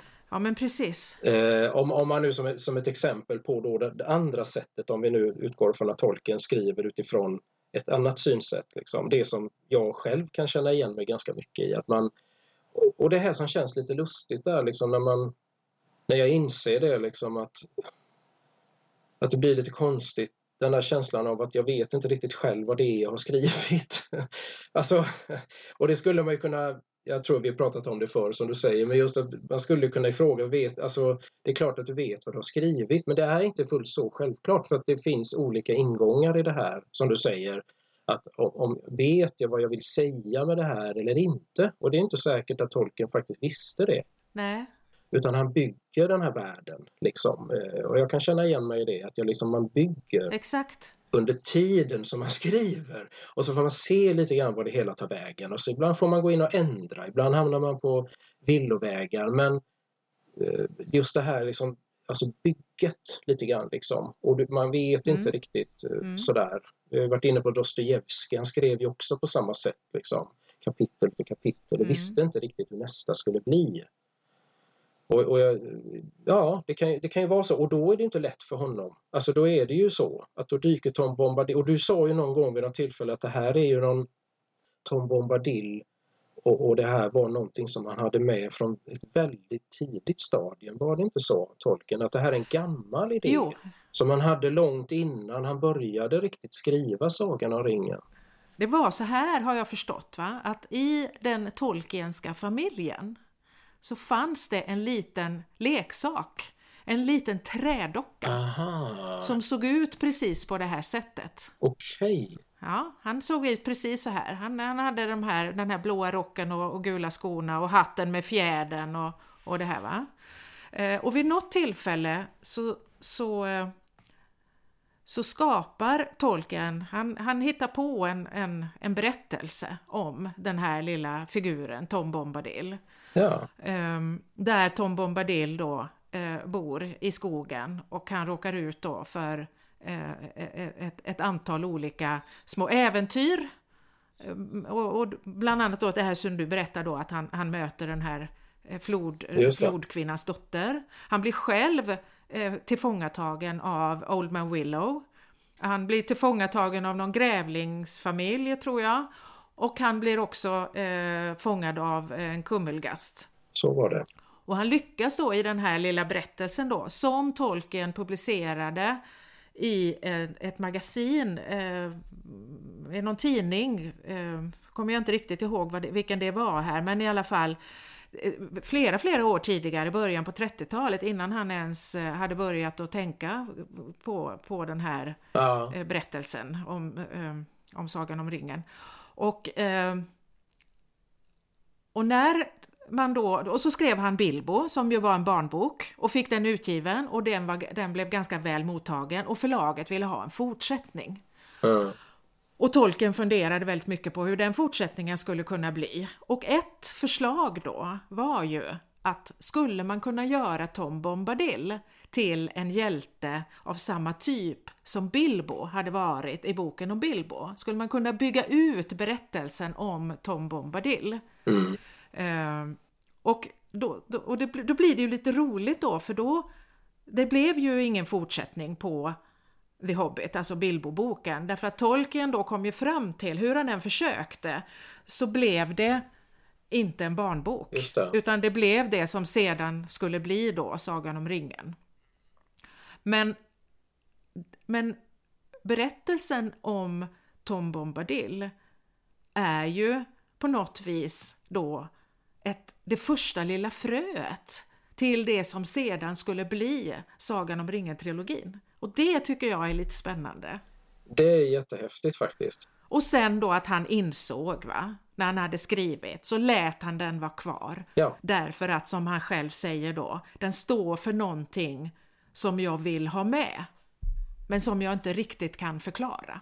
Precis, och jag tror, det var, det var, jag tror vi kom fram till det när vi pratade innan, att, att det kanske är på det viset att det, det, kan, det kan, precis som om vi nu tittar på Peter Jacksons filmer och andra dramatiseringar, det funkar ju alldeles utmärkt att plocka bort de här kapitlerna och korta ner den här historien ja. och, och, låta dem dra direkt till Bri och Stegrande ponnyn. Och det känns inte konstigt på något sätt utan det, det, det, det funkar alldeles utmärkt. Men jag tänker att det kanske är så att som vi kom fram till att när man läser boken då att det kanske är någonting som skulle saknas i det stora hela snarare. Jag vet inte. Uppenbarligen gör mm. man ju inte det i filmerna inser jag nu riktigt men ändå rent Ja, alltså i alla fall nu när man läser det så tänker jag liksom att då, då inser, jag inser det faktiskt. Alltså nu när jag läser den, jag, alltså det är så många år sedan jag läste Sagan om ringen och filmen är ju det som på något sätt är liksom på något sätt färskast i, i minnet av de här historierna. Och nu när jag läser den igen så får jag den där känslan av att kanske blir det en lucka någonstans här i hela historien. Mm. Om den inte är med, även mm. om den inte bidrar med så mycket. Alltså precis det som han är ute efter, att det mm. finns någonting i det här som behövs helt enkelt. Mm. Även om det är väldigt oklart mm. vad det är som egentligen behövs här. Det är inte helt tydligt. Precis, och grejen är att vissa saker eh, Vissa saker saknar du, kan du inte sakna förrän du vet att de finns. Precis så. Alltså, om du, ja, om du inte, om, om man hade tagit bort, eh, om, om tolken hade tagit bort de här avsnitten, eh, de här kapitlen, så, så kanske ingen, eller med, med all säkerhet hade väl ingen sagt, är det inte något som saknas här? Tror jag inte. Det tror jag inte. Nej, det hade man inte för det hade fungerat som filmerna. Att man hade, ja, visst, det är inga problem. Men nu när de finns, då, då ser man ju att de fyller en funktion. Eller man kanske inte ser det, men man känner det på något sätt. Nej, jag tror att man känner det i alla fall. För här får vi precis det vi pratat om. Du får ju här liksom i... För att Alltså halv, halva Sagan om ringen insåg jag nu, det är väldigt många sidor, är ju en enormt lång, lång, lång, lång inledning. För att egentligen så mm. tar ju inte äventyret riktigt vid förrän de lämnar Bri med Aragorn. Det är ju precis som i filmerna, det är ju där sen mm. börjar det ju hända grejer på riktigt liksom. Va? Mm. Mm. Men jag tänker att här får vi då det här liksom djupet kanske på något sätt liksom, som, som man då inte får annars. För att annars får du får bara fylke och sen pang rätt ut i äventyret då. Mer action. Mindre djup kan man säga. Exakt, och jag tror också att det är så att med tolken, och det här går ju det här går ju som inte riktigt att jag vet inte ens om det här går att analysera riktigt. Det gör det säkert om man är riktigt skicklig litteraturvetenskapsman, kvinna, så kan man säkert analysera det. Men vissa verk de börjar långt innan de börjar och de slutar inte när de slutar. De fortsätter. Alltså de, de, de är precis som, precis som Tom Bombadils hus på något sätt så är de liksom de är mer... I den här boken så finns det, det finns djup och det Mm. finns långt borta och de tar heller inte slut när de slutar på något sätt. För att det jag menar är att när man läser tolken, det här är min, min uppfattning, så är man med i hans eh, Mm, skapelse av den här berättelsen. Och det tror, jag, jag tror inte, det är samma sak där, jag tror inte man kan man kan inte se det, man kan bara känna det. Att här, det är inte så, här, det är inte så att jag får en berättelse berättad för mig här, utan jag får vara med i en någonting som skapas. Och, och jag, det, här, det här är så svårt att beskriva men jag, jag, jag, bygger, jag bygger det på min egen känsla givetvis men också på det jag vet om Tolkiens sätt att jobba. För jag tror jag har nämnt det förut för dig, den här fantastiska berättelsen om hur, hur Boromirs brorsa Faramir dyker upp i historien. Det vet jag vi pratade om någon gång, ja. Mm. Och då är det ju så här va att i, Tolkien skriver ett brev till sin eh, son eh, Christopher. Och det här är 1944, och, så Christopher är ute, han är ute och, och han är soldat, andra världskriget. Och, och eh, de brevväxlar.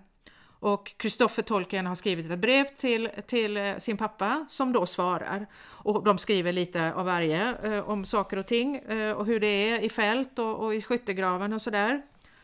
Och så by the way så skriver han på slutet här en ny gestalt har trätt in på scenen och då handlar det ju om, han jobbar ju nu med, med manuskriptet till Sagan om ringen. Ja. En ny gestalt har trätt in på scenen. Eh, Jag är säker på att jag inte hittade på honom. Jag inte ens önskade mig honom. Fast jag gillar honom. Men där kom han vandrande i Itiliens skogar. Faramir, bror till Boromir. Och han fördröjer katastrofen med en hel massa om Gondors och Rohans historia och eh, mycket sunda funderingar har han om krigisk ära och sann ära. Eh, han håller på så länge så att en del kommer jag bli tvungen att flytta till bihangen. Ehm, Mm. och, och, och det här sättet att jobba som tolken gör, eh, det, det, det gör ju att, att jag också tror, för jag menar, om han möter Faramir så här och så möter han honom i en specifik situation och så får Faramir vara med i berättelsen och, och så är han ju med, han är ju med ända till, tills berättelsen slutar va. Han överlever ju och så vidare va. Mm. Ja, men Tolkien känner ju inte honom för det. Det är ju bara ett, en kort, ett kort litet utsnitt liksom ur Faramirs eh, liv. Precis. Och, och likadant med Tom Bombadil tänker jag. Eh, Tom Bombadil fortsätter ju så att säga att finnas. Ja. För att han är ju nu en gång, han har ju en gång liksom kommit fram. Och, och då finns han ju. Och han finns ju långt efter att Tolkien har slutat att skriva den här berättelsen. Så finns ju ändå Tom Bombadil och Tolkien kan ju inte veta allting om Tom Bombadil bara för att han har skrivit om honom. Absolut. Förstår du? Det, Och framförallt Tom Bombadil som känns evig på något sätt. Han, ja, det känns ju inte riktigt som det finns något slut där liksom ens. Eh, Det vet man ju inte. Eller så finns det det. Nej men det är precis så. Alltså, man får... Ja, jag tänker mycket på, på just eh, när man, när man själv skriver men även just eh, alltså vissa böcker. Det är så tydligt just det här. Att man, vilket jag tycker är så häftigt. Att vet, kanske därför jag ibland värjer mig mot eh, väldigt många slut på böcker. För att jag tycker att de är överflödiga. ja, Jag tycker oftast böcker är, är bättre om man inte läser slutet. För att det, det är lite grann den där känslan av att det här är ett nedslag i, i livet, Mm. i tillvaron, hos några människor eller vad det nu kan röra sig om då. Liksom, va? mm, Och det finns inte riktigt det där slutet. Liksom. Vi vet ju inte riktigt. Det händer ju inte riktigt så i, i livet, inte ens när någon dör, för allting annat fortsätter ju i alla fall. Så att det, det, det är liksom... Så, så det här med liksom det där... Eh, vilket gör att jag ofta känner att de, många, många slut är, så, är lite överflödiga många gånger. Liksom. För att jag, jag, oftast kan man liksom nästan bara lämna det, tänker jag, hellre. För att allting bara fortsätter. Precis så. Och det här, vi fick, en, vi fick liksom träda in här, liksom. i det här fallet med, med Tolkiens mm. hjälp då, fick vi träda in i den här ringens värld under ett skede. Liksom. Mm. Och sen får vi det glimtar av vad som har skett innan och vi kan bara fundera på vad som sker efteråt. Men ja. vi, vi, fick liksom vara med en bit. Och det tänker jag som du säger, det kan ju lika väl vara Tolkiens ingång i detta. Att han, han, han är med här liksom. Och här, nu lämnar jag det här liksom. Ja, och på något vis är det ju det som Tom Bombadil lite står för. Just det. Kan jag tänka också. Du vet att han, han, för han bryr sig liksom inte riktigt om vad som händer. Nej, han är inte intresserad alls. Han säger det själv någon gång. Här går min gräns. Den är osynlig, men jag ja. vet var den går ungefär. Och här utanför, inte nog med att han inte rör sig utanför gränsen utan man får också en ganska tydlig känsla av att han bryr sig inte så mycket om vad som händer där ute egentligen. Det, det, är inte hans uh, uppgift, liksom. det är inte hans liv. Och jag tänker att det kan ha att göra med att han är uråldrig. Exakt. Han har sett saker komma och gå eh, under så fruktansvärt lång tid. Och då blir det inte, han vet ungefär, okej okay, det kommer att bli så här ungefär och sen kommer det att bli så här och sen kommer det att bli så här. Och... Ännu ett stort slag. Ännu en kamp mellan det onda och det goda. Okej, okay, jag har sett det förr, tänker Tom Bombadil. Ja, men jag tror också samtidigt så förstår han ju att det där måste också fin det måste vara så. Det måste vara så, det är så världen och, och, och att det goda måste stå emot det onda. För, för vad, vad har Tom Bombadil om vi säger att Sauron skulle ta över allt? Vad blir då av, av Tom Bombadil? Jag menar, ja, så att han är ju på något vis också beroende av den där kampen men han är inte delaktig i den. Han tar inte del i den alls, men, men, men som du säger, han är ju beroende av att den goda sidan faktiskt vinner då. Det säger ju någon alv där i rådslaget att, att den sista som faller är Tom Bombadil. Och när han faller, sen är det mörkt.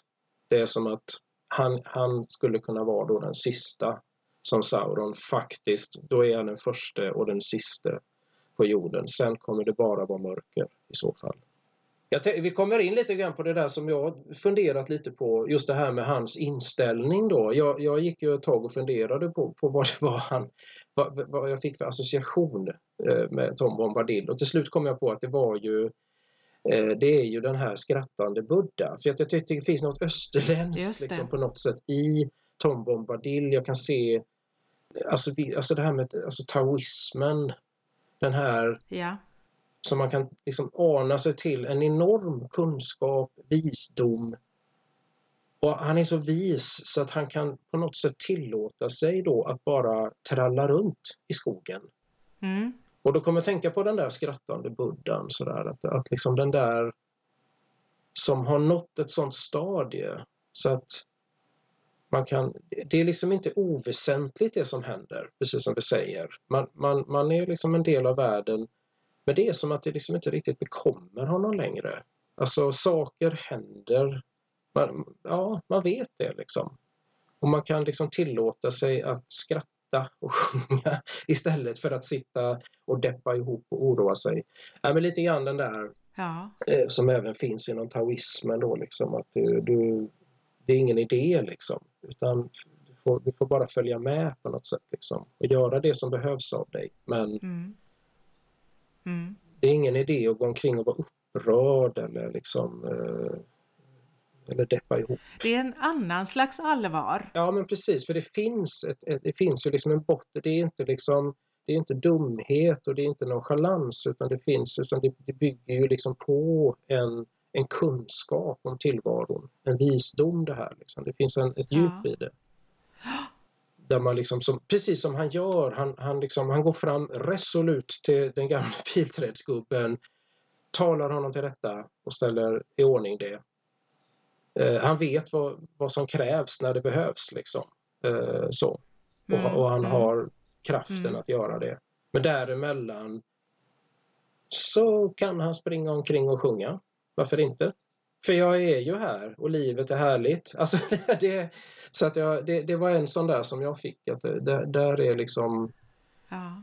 eh, Ja, det var, det, var, det var mer av en, alltså som en association jag fick liksom av den här karaktären. Vad är det han liksom, vad är, alltså att han påminner mig om någonting och det, det är just detta.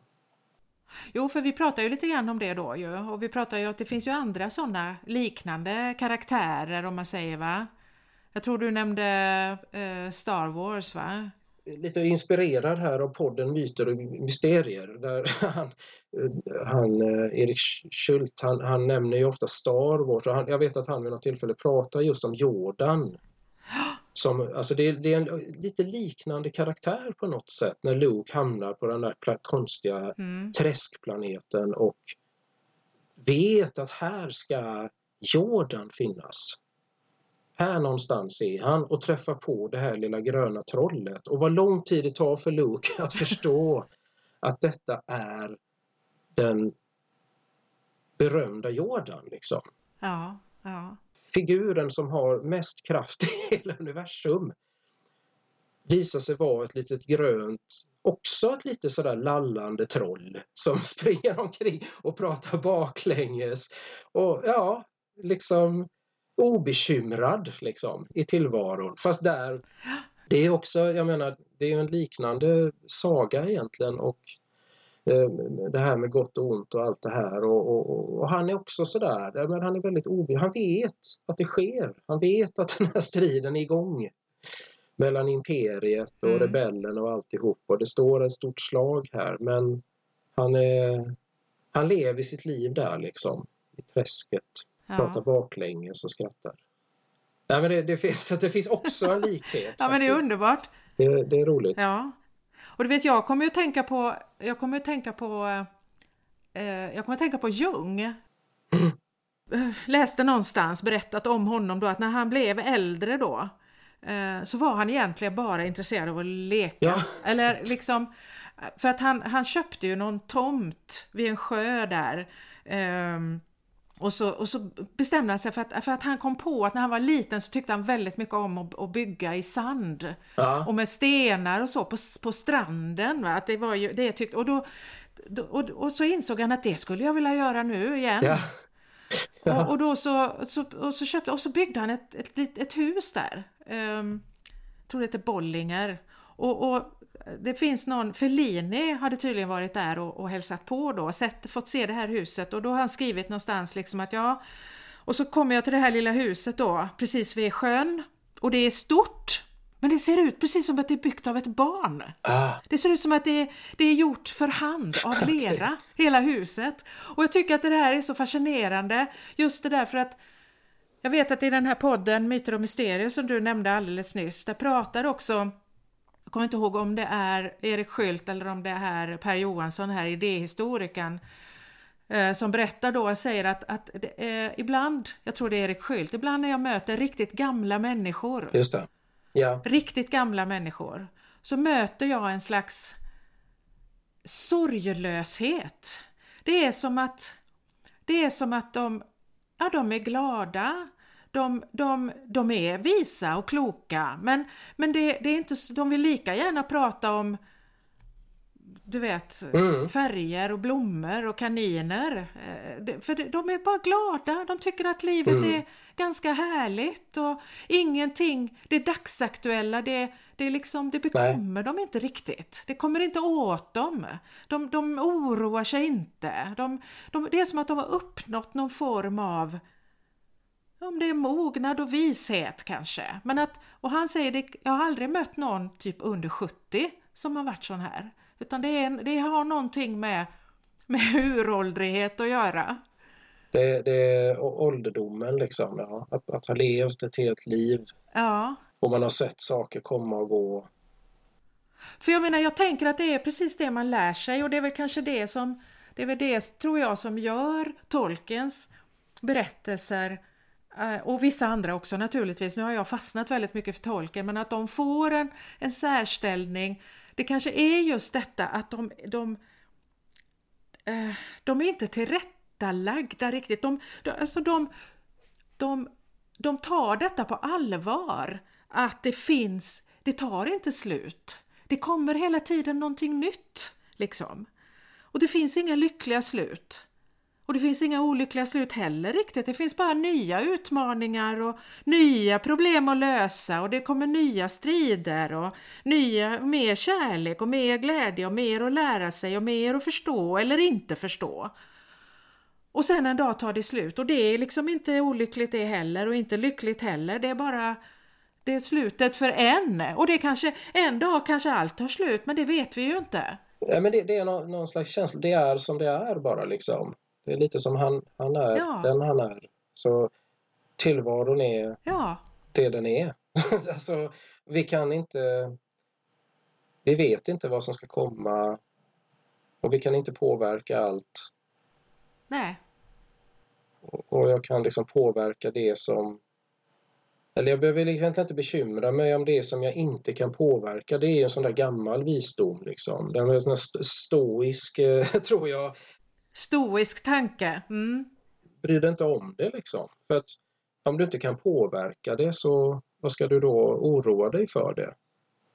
För du kan ju inte göra något ändå. Då kan du lika gärna göra någonting annat. Och det, det är återigen det här, ja då kan man springa omkring och plocka näckrosor lika gärna för att ja. i Tom Bombadils fall så tror jag han inser precis det. Han har dessutom fullt upp med att, att underhålla, eller liksom, alltså sin relation där som är väldigt viktig, apropå kärlek då. Ja. Att han lägger liksom all sin energi åt den här kärleken då, deras relation då, att, det, att den ska vara bra. Mm. Och det är ju också jättespeciellt så man skulle kunna ägna en hel podd-episod åt.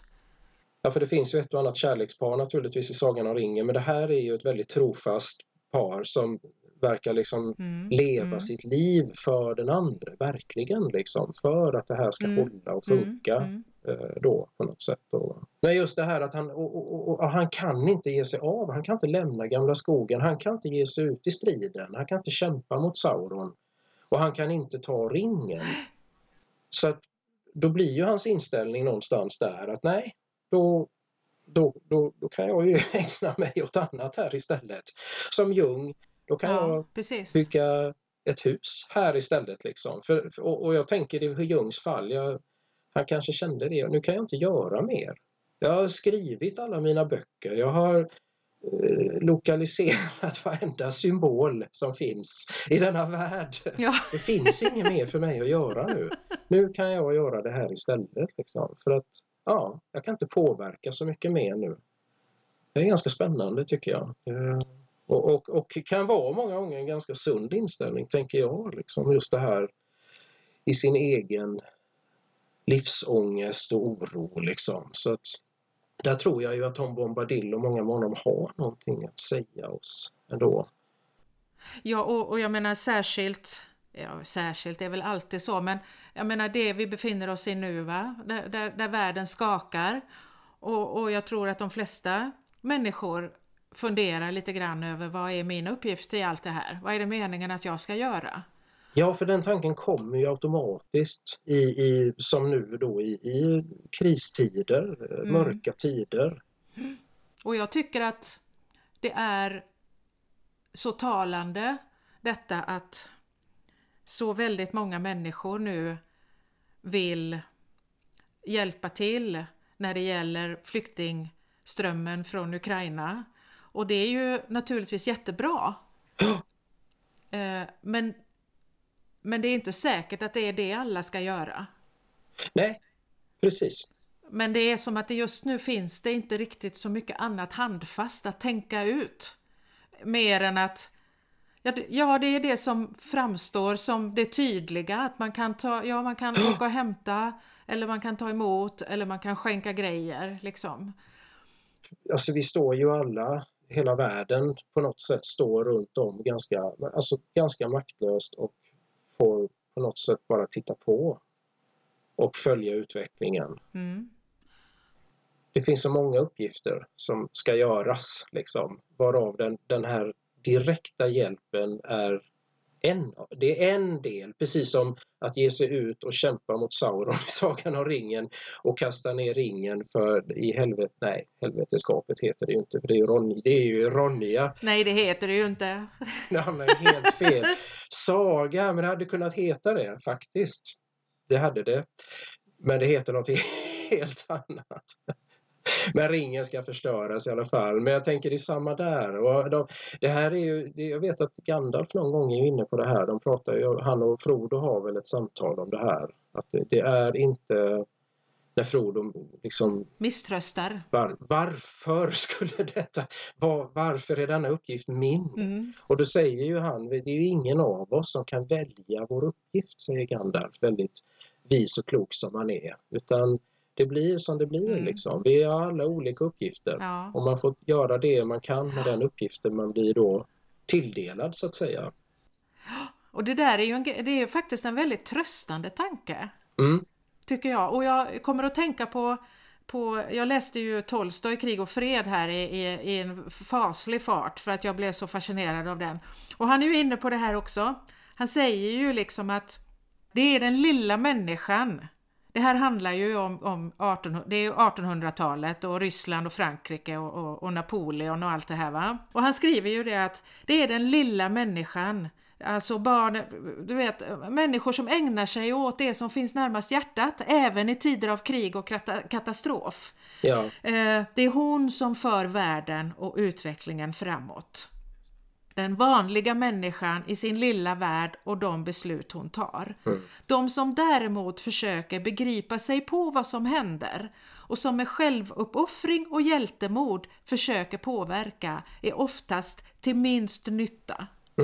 Och så skriver han då om det här kriget. De såg ofta allt bak och fram och när de ville vara nyttiga ledde det mestadels till tokigheter, som i fallet med ryska regementet, så, ryska regementen som plundrade ryska byar, adelsfröknar som repar linnetyg till förband som sedan aldrig nådde de sårade.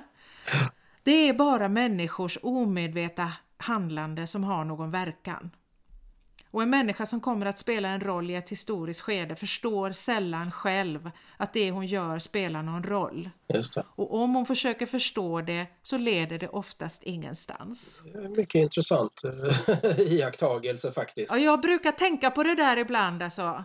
Jag tycker att det också att det är så tydligt i Sagan om ringen, för det är så otroligt många människor som förutan huvudpersonerna om man säger så, va? de som ingår i det här brödraskapet, så är det så otroligt många människor som passerar revy på deras resa Mm, på olika vis. Och alla har ju liksom sin roll mm, i det hela. Eh, Och det går inte, precis som Gandalf säger, det går liksom inte att byta ut en mot en annan, för det, det är inte så det går till. Nej, och du kan inte bestämma dig för vilken roll du vill ha Nej, eh, som i den här liksom, trilogin. Ingen av dem får har möjligheten att bestämma själv om de vill göra det här eller inte. Det går inte. nej, Utan alla blir verkligen de, de får ta sig an den uppgiften på något sätt som de får då. Liksom. Mm. Och flera av dem är ju precis som, eh, som Frodo och även Bilbo på sin tid är ju eh, tveksamma till, sin, till sitt uppdrag. Nah, jag vill inte gå med de här dvärgarna, det känns jättejobbigt, säger Bilbo. Jag har Precis. ingen lust, jag stannar kvar här. Och Frodo säger nej men, nej men, nej, jag, nej, kan inte du, du kan väl ta ringen? Ja, nej jag vill inte, jag, har- jag har det bra här. Till och med, Ar, ja, till och med Aragorn eh, senare, när Aragorn blir tvingad mer eller mindre till att ta sin plats som, Just det, det vill ju inte han egentligen. det vill han absolut inte, han har ju avsagt sig det. Han har ju kämpat hela sitt liv för att slippa ta sig an kungatronen, precis. Men även han blir liksom till slut eh, får han inse att han, han får göra det här, det måste bli så. Och Frodo är det som du sa, han, han är ju verkligen han, han är ju liksom den här motvillige, ofrivillige hjälten på något sätt. Han, han eh, ja, hela vägen egentligen. Ja, och, och vi har ju pratat om att eh, vi också ska göra en episod längre fram om slutet. Mm. Vi sagt det, vi tar oss an Sagan om ringen på detta sättet. Vi gör en, en episod om början och en om slutet. Och då, ska vi ju, då kommer vi ju att prata en del om, om Frodos öde. Men det man kan säga redan nu som har med det här att göra det är ju att, att Frodo, är det, han är ju dels en, en han är ju dels en, en, eh, en motvillig eh, hjälte. Han är dessutom en hjälte som inte riktigt klarar av sitt uppdrag. Nej, det gör han ju inte riktigt. Ju. Och sen kommer han ju hem och är ju skadad för livet och kan ju inte leva vidare. Mm. Och det finns ju så mycket att tänka kring detta så det ska vi göra i en egen episod. Längre fram någon gång, men inte just nu. Nu ska vi gå vidare och ägna oss åt någonting helt annat som man brukar säga. Eh, Definitivt, nu byter vi värld. Och så ger vi oss in i Sven Delblancs värld. Som också byggde ett litet universum, men det ska vi prata om i nästa avsnitt. Mm. Och då ska vi läsa den första boken i det som man brukar kalla Hedeby-sviten. Och den boken heter Åminne. Jo, eh, det var ju så här att vi fick eh, ifrån en av våra lyssnare så fick vi ett önskemål om att kan ni inte berätta i förväg vilken bok ni tänker läsa i nästa episod? För man kanske vill vara med och läsa också i förväg. Um, så då är det Åminne som ni ska köpa eller låna på biblioteket, vilket jag har gjort. Jag ska hämta den idag. Den fanns i bibliotekets magasin. Men nu har de hämtat upp den till mig, så nu ska jag läsa den. Och vi kommer också, tror jag, att prata en del om den eh, filmatisering som gjordes och som ju heter Hedebyborna. Det är nästan ofrånkomligt. Och den finns ju att titta och, och kika på. Den ligger på SVT Play, alla. Ja, jag tror i sin helhet va. Eh, Flera säsonger där baserade på alla böckerna. Precis. Så, så det blir nästa gång och som vanligt så säger vi ingenting. Det kan ta en vecka eller en månad eller två. Vi får se. Ja. Så är det. Vad bra, men eh, Ja, tack. Så ses vi igen. tack så mycket för idag då Mattias. Hej då! Och hej då allihopa!